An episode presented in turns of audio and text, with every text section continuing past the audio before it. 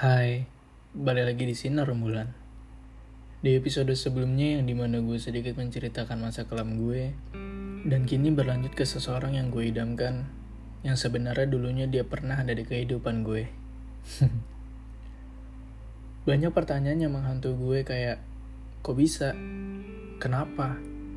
Kenapa balik lagi ke dia? Alasannya karena Sejujurnya gue nggak tahu mau ngomong apa. Nggak ada alasan yang tepat untuk menjelaskannya.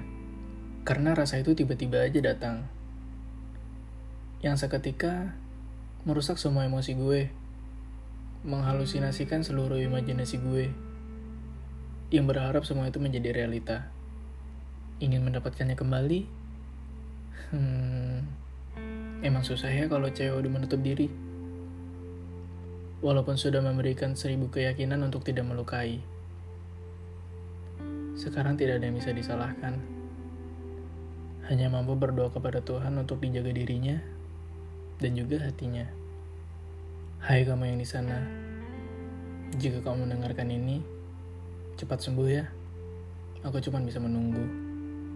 Maafkan aku jika terlihat tidak terlalu berjuang untukmu.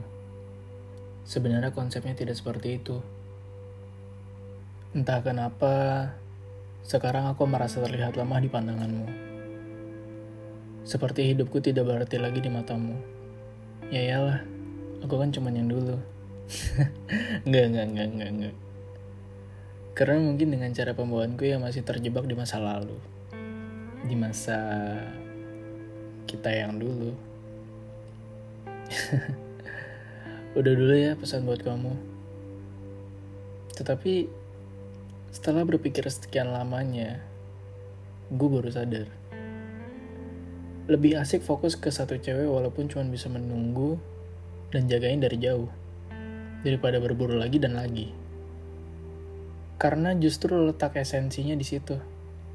Gue bisa belajar lagi dan lagi gimana caranya agar bisa ngedapetin orang yang sangat berharga buat gue.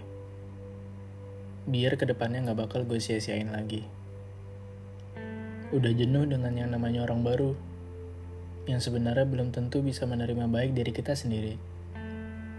Entah itu masa lalu kita, problematika yang mungkin tertanam di diri kita. Sebenarnya memang bisa.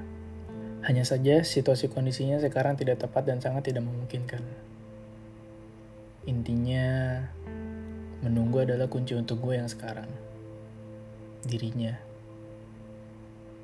Terima kasih udah mau mendengarkan curahan hati gue.